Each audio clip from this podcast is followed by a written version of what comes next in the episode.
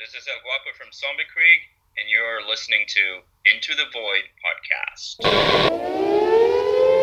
Until further notice, this station will not be broadcasting news and information for your area. I repeat, this station will not. You should now tune your radio dial until you hear a station which is Into the Void. Into the Void podcast. And uh, in this edition of this show, I have the great honor to talk to El Guapo of uh, Zombie Krieg.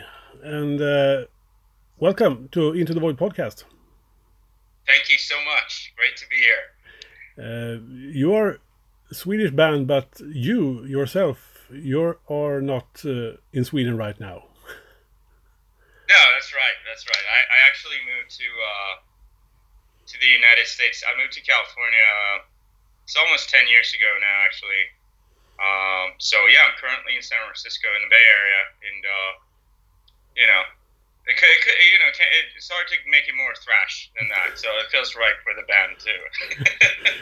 yeah. I was going. To, we were going to talk about thrash metal. We can start off with that. And I mean, now you're at the epicenter of the whole uh, genre, so to speak. Uh, what's your relationship to the Bay Area thrash scene historically? Uh, well, historically, obviously, you know, like Zombie Krieg is, uh, you know, a, a, band that, you know, part part of it is so, at least like musically, so influenced by, you know, old school thrash metal, obviously Metallica, you know, mm-hmm. and, and uh, bands like uh, Slayer, Megadeth. Uh, I, I, I feel like me personally, you know, Metallica, you know, first time I heard Hit the Lights or Seek and Destroy, whatever it was, that, you know, got totally, you know, sucked into this, uh, this whole new, like, uh, you know, uh, extreme at the time. It was really extreme, um, you know, music and, and, to, to be here and to live here in the Bay Area, it's, you know, it's really, uh, you know, it's really interesting because, you know, you, know, the U.S. such a, such a such a large country, but you really do feel like you you you're here and you can you know been done rehearsals at Soundwave Studios in Oakland, and you you know you you walk down these halls and oh yeah, Testament is rehearsing over there for their you know they're doing the stage rehearsals for their tour, and you know over here, you know Faith No More used to rehearse here, and then you walk into the to the restroom, and there's like this this old Metallica poster that Lars is written on, like hmm. "Hey Soundwave," you know, it's like so you really feel like you're you're you're right here where it all happened. It, it's you know it's just cool. It's just a cool feeling, you know. Yeah. Yeah, I can imagine. I was there on vacation in San Francisco two years ago, and just walking down Battery Street was kind of big for me. So. yeah, you know, it's funny because you you you bump into all these people who, you know, especially, you know, my age and older, you know, people in their like early forties or late forties even, you know, they're they're like, yeah, you know, we used to hang out at this place and and so and so from that band or Exodus or Testament or you know. Uh, James Hetfield would show up all the time or whatever. You know, it's like it's really interesting, and there's still like a lot of things going on here where they have like metal shows where like the old metal crowd shows up, mm-hmm. and you know I've, I've been to a few shows where I've just randomly bumped into, you know, two guys from Machine Head or you know um, the, the the the singer from Testament or you know so it is. It is. It's a cool vibe. I think it's the same thing in Gothenburg with the Gothenburg sound. You go to yeah. certain bars, at least it used to be, and you you bump into you know the people from from you know In Flames or Arch Enemy or whatever it is. So yeah, it's it's cool, and there's definitely legacy here. You know. Yeah. So what what was it that inspired you to start playing music? Was it this kind of music that you heard? Um, you know, for me personally, I think you can pretty much blame it all on Angus Young. uh, you know, he, you know, uh, my dad, my dad was really into music growing up, and he would just go to the record store like on Fridays after work and pick up bunch of records, and he would go home, and sometimes he would just like follow recommendations from the store owner or whatever, and he would end up buying shit that he didn't necessarily like, or you know, he was just buying tons of different you know genres of music and somehow like the metal stuff or the heavy metal stuff or the early 80s sort of like metal i don't know if that's even considered metal anymore but you hmm. know that would end up on on on my plate because it's like shit that he didn't like it, it was you know twisted sister and kiss and uh and and he so he was really into to music and and when i started listening to acdc uh he actually took me to to uh, to see them live, and, and, I was 11 years old, and you know, like I, that just changed everything for me. Seeing Angus Young on stage, and I'm like, oh my god, what is this? How can I do this? I hmm. have to do this, you know. Um, so I, I, I, that basically made me pick up a guitar. You know, I got a guitar for my, I think it was my 11th or 12th birthday and I just started playing, and I'm like, okay, how can I put a band together? I need to do, you know, I need to become Angus Young, you know.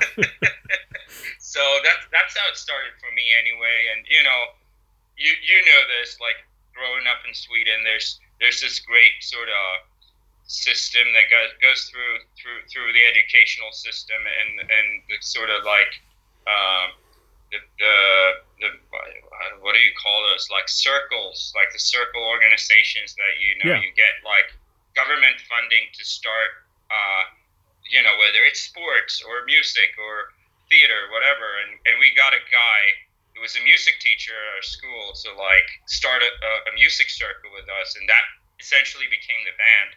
And we started playing you know acdc covers. And then when we were good enough we started playing metallica covers. And and then we started writing our own songs. And and then you know and like I, I I assume like everyone who ever been playing in a band and you go you know you do that oh, and you have all these different band projects and and then the, the ones who still think it's uh, you know interesting and fun and, and, and, and rewarding enough they're yeah. the ones that are still around yeah so let's uh, talk a little bit about Zombie Key, uh, the band. How how did you yeah. get? How did that band start? It's it's one of a kind, I think, in the Swedish music scene. Yeah, yeah, yeah. You know, it's it's it's interesting uh, thinking. Like, it's it's really interesting to have. You know, what is it now? Almost ten years, yeah. I think. Almost ten years ago that we started and you sort of get the perspective and you look on these things like a little bit differently. Um, again, you know, the, the, the, founding members were some of the, the people that actually started in, in that high school, uh, with, you know, in the music circle thing uh, with a music teacher. So, like, me, the bass player and the drummer, we, we went to the same high school and we've been in different bands throughout the years. And you know uh, the drummer went into this punk band and the bass player actually started playing with some sort of sort of successful death metal bands. And he you know went on to tour in in the, in the states and, and in europe and stuff. And uh, and I, I got sucked into other bands. Like i had some weird Danzig esque kind of uh, rock metal band for a while, and then I, I played in a, a social distortion like kind of punk band for a while, and and then there was just this point of time where I'm, I was sitting down somewhere, I was on vacation, and I was thinking, you know, what the fuck, I, I should go back to like playing what we started off playing, which is, you know, heavy metal and thrash metal, and try to do that in a new way this idea of like uh, writing lyrics in Swedish because it just felt like in that genre hadn't really been done before, and and there could be something really interesting there. So I talked, I talked to the guys, like talked to that old drummer and that old bass player, and they're like, "Yeah, fuck it, let's just try it." So we got a rehearsal space, and I had a few songs written already or riffs at least, and we started you know rehearsing, and it just felt right. You know, it's Mhm. like oh we, we know how to do this like, and and then um, and then what happened was uh, Axel. There was just the three of us, and then we needed a, a you know a singer, and uh, when we started out in high school, I I did I sang, you know, and, and then there was this other dude who sang too, because out of necessity almost, because there was no one wanted really wanted to sing, but we were the only ones who could. uh, but we didn't really like it or enjoy it, you know. So we need I, we needed to find a singer and just try to sing, and I was really interested in seeing what we could do if we found a you know more like a, a, metal growler that Yeah. sort of like that at the gates kind of uh, Tomas Lindberg kind of uh, screaming growl black death metal Yeah.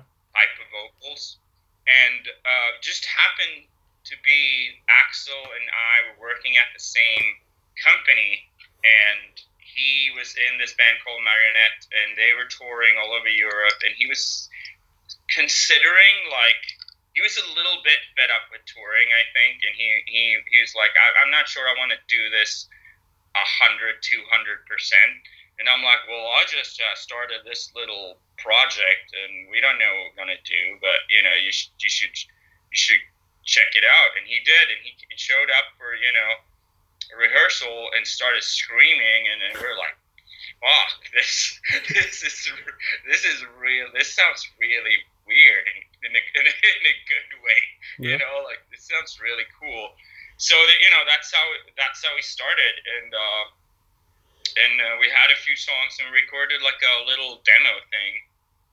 Uh, yeah, Yeah. I mean, and uh, that's basically how, how the band was was founded. You know.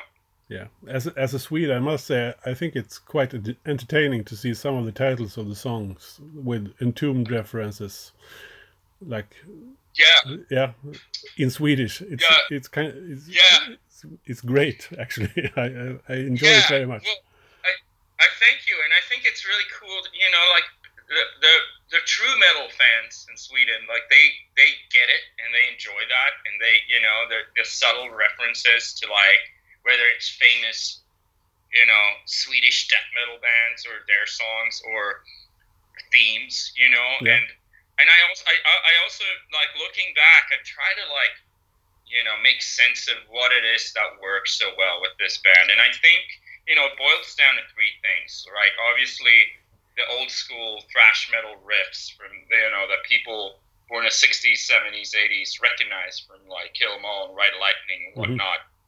And then we have the Swedish lyrics that are very much like sort of '80s crust punk Yeah. influence. Like it's very much like you know. Uh, KSMB or Ebba Grön and you know like old school Swedish punk from Mhm. the 80s and then you obviously you have the at the gates kind of full on screaming black metal vocals. And I think those three things made made it unique. And and then it's the, the thing you mentioned about you know the Entombed reference is like there's there's this like when you when you move from English to Swedish there's this all of a sudden this like this this treasure chest of like things that you can explore with the Swedish language that can reference all these things uh, in in a subtle way, but it just makes it like it, it, it turns it into something uh, fresh and also a little bit like nostalgic at the same time, which is I found was really cool. Yeah. So the band existed uh, and, and was was active until 2012. Am I correct? Correct. Yes. Yeah. Uh, we did- our last show uh, in December 2012, I think. Yeah. Yeah. What was the reasons behind that? Um, well, first of all, I had already moved to the States, which, you know, made things a little bit complicated because, you know, the second, our second album was recorded here in the Bay Area. Mhm. And, um, and, and, and, and we had a drummer from, from Oakland actually played on that album. And, you know, there's always kind of, in every band, there's always like one or two people who kind of have to uh, you know, manage manage stuff. Uh, yeah, everything from like dealing with promoters to record label people to like renting the fucking van and you know paying for the gas and you know talking to uh, local promoters and printing the flyers. You know, it's like I I sort of had that role in the band, and Axel was, uh, you know, from his experience of being, you know, a, a you know, lead singer in a in a band um, that had done a lot of touring and album releases. He had sort of like he had to fill that role when I moved, and and he did that, you know. Um, uh, but I think he kind of like started to grow tired of of being like that much of a administrator and, and not just you know the performer that that's really his his thing. Mhm. and, and and there were also like a bunch of lineup changes. We we had some different people coming in and out of the band and they had other bands. So it was hard to just keep it together.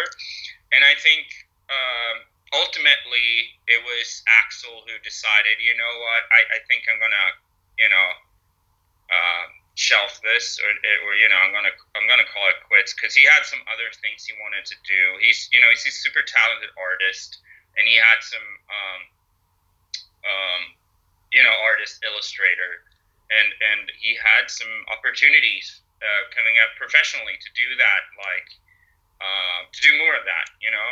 Mhm. so ultimately it was like axel saying you know I, i'm gonna uh, I'm, I'm gonna quit the band. We're like, okay, let's do one last show, record that show, and then whether it's you know definitely or if it's just something you need to do for a while, we leave that for now, and you know we cross that bridge when we get there. But but that that was the uh, that was the thing that sort of uh, that made us kind of press pause on everything.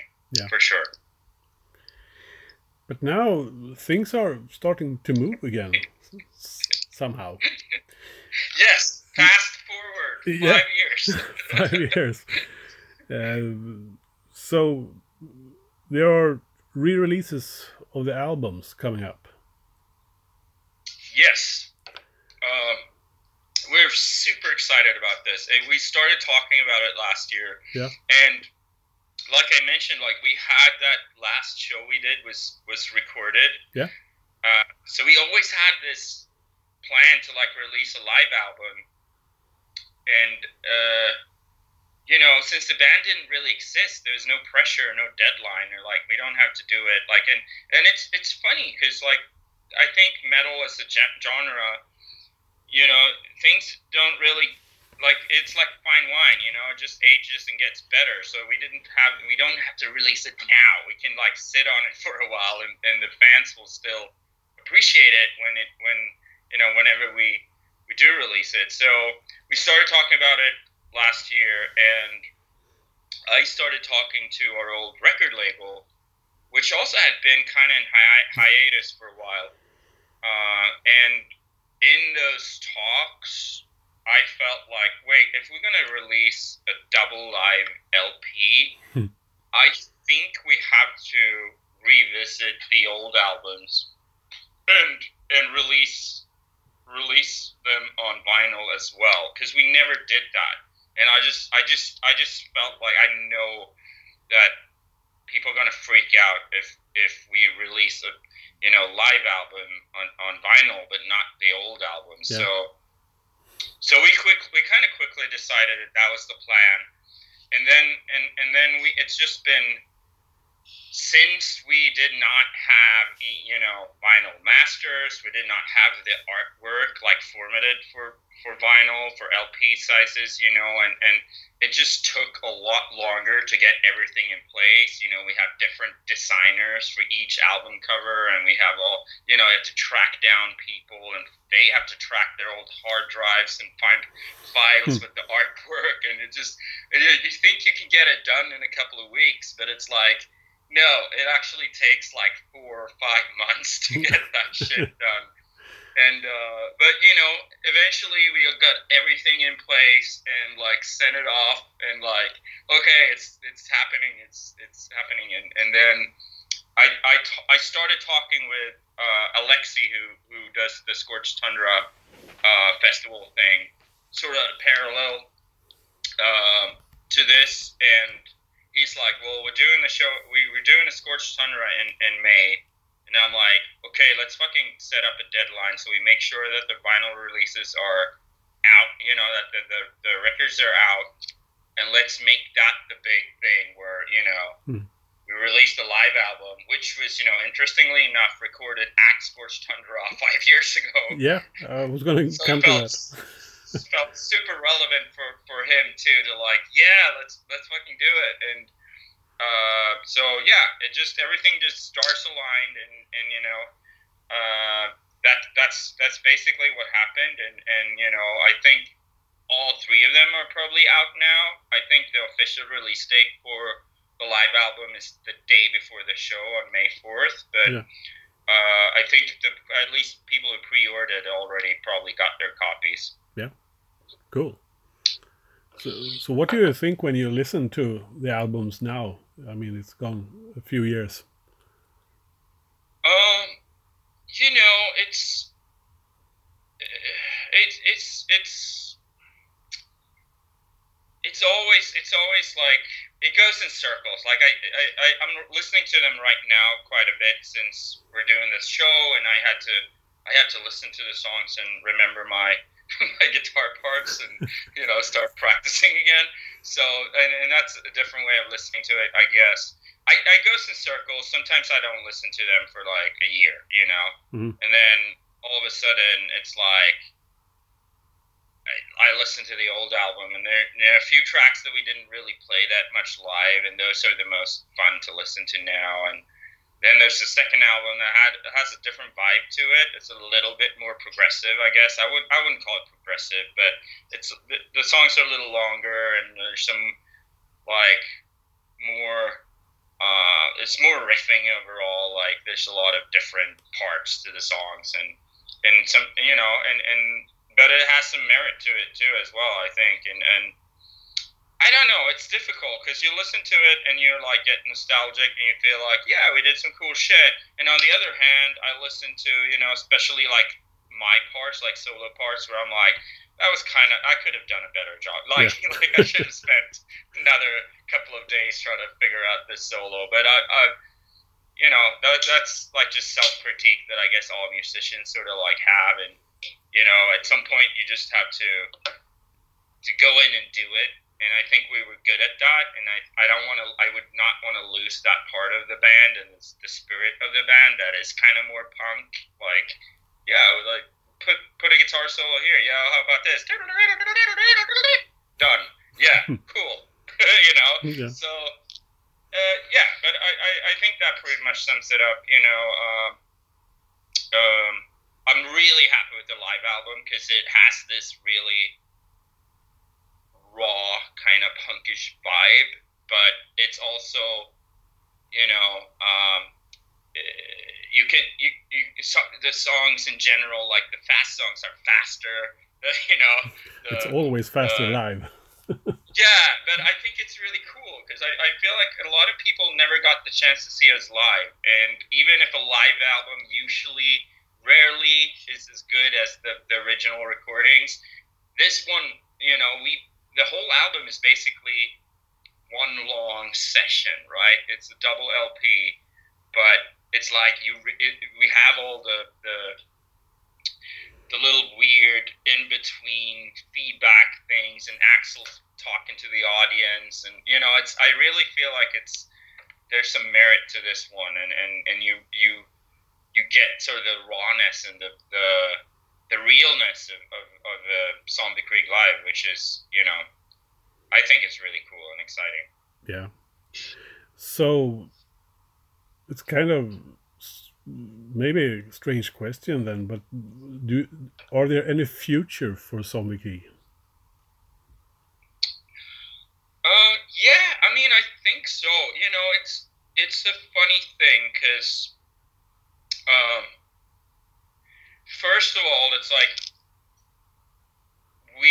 I think if we're gonna if we if we well, obviously we're doing this show now, which Yeah. you know that's that's something we probably didn't think we were gonna do, and um, I think that's gonna be an important um,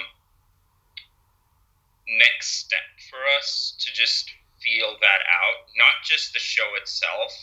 We could have done a show in front of ten people, you know, in a basement somewhere. Mhm. Um, it it that that doesn't really matter. It's more like all the preparations around the show, like getting back together, you know, sort of feeling it out, like rehearsing for the show, talking to the guys, you know, just you know, like how did how will it feel to get back together? Will it feel like really fucking awesome, and we're just like shit, we need to do more of this, or will just be like, okay, this was fun, you know, See ya. and and yeah, exactly, right. So there's a lot of there's a lot of things that are uh, up in the air right now. Like it's just about you know how we feel, the chemistry, and and and and also you know what all the you know the individuals in the band wants want to do next. Because like I yeah sure I write songs all the time. I've written stuff that could potentially be a new Zombie Creek tracks. Uh, but how what you know we'll see what Axel feel uh, how he feels about it and you know the Yeah. bass player and, and we have you know this uh, drummer now who uh, uh, is in, in this other band called Warfect and and he he was in Zombie Creep for a while and then he didn't play the last show and he's not played on any albums and you know but he's really you know a, a, a key member all of a sudden because we need sort of the stability of having you know a a new drummer that's really you know uh, passionate about you know not just our band but music in general and all the time and effort and, you know it takes to, to put into this. And and then you know we have a new guitarist who you know uh, well he's not new anymore but Martin who replaced me when I moved to the states or you know eventually became my replacement uh, like what are his feelings about this you know Mhm. like and it's it, so there's there's there's some like just some um, sort of uh, I don't know what to call it just just the bad chemistry stuff that we need to figure out you know that said if everyone feels super psyched about this sure we could potentially do some more shows. We have to figure that out. It's not it's not anything we talked about yet. Uh, we could potentially record something you know we'll see you know it's i think it's too early to tell. If we if we do another if we do another podcast three days after the gig you know, we'll know more. But it's but like um, yeah, I, I, I don't know, I, and, and you know that's part of it. The other thing is the fan fan base. I think um, it's interesting again with metal. You know, it never seems to like really um, grow that old on people. Like people, we we feel like our fan base is still growing after the band, you know, called it quits. Yeah. You know, which is interesting because you have you have all these different people contacting you through social media, and they're like, "Will there be more albums?" Or like, "Hey, I have a radio show in Brazil. Can I play this song?" Or you know, like yeah, all kinds of people, like record labels, like, "Hey, would you ever consider recording one track and and letting us release it?" And so, as long as that part of it is still like growing and is very much alive, you know, and uh, uh, I think there's potentially, you know, a future where we would uh, create some more music and put it out in the world, or record a cover, or I don't know, you know. I think I think this this whole thing with the re-releases and the new live album is definitely, uh, you know, it, it, you know, created all these questions for us that we have to answer. But I don't have the answers today, unfortunately. well, we will see if you will get the answers. It's it's a it has been a great honor to have you on Into the Void podcast, man.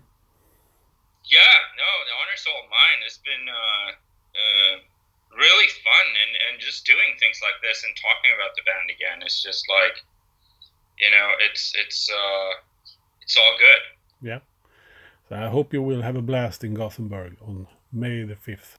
For sure, for sure. It's gonna be uh, it's gonna be awesome. You are not cool. I know. Even when I thought I was, I knew I wasn't. Because we are uncool. I'm glad you were home. I'm always home. I'm uncool. Me too. You're doing great. You know, the only true currency in this bankrupt world is what you share with someone else when you're uncool. There's no more room in hell. The dead will walk here.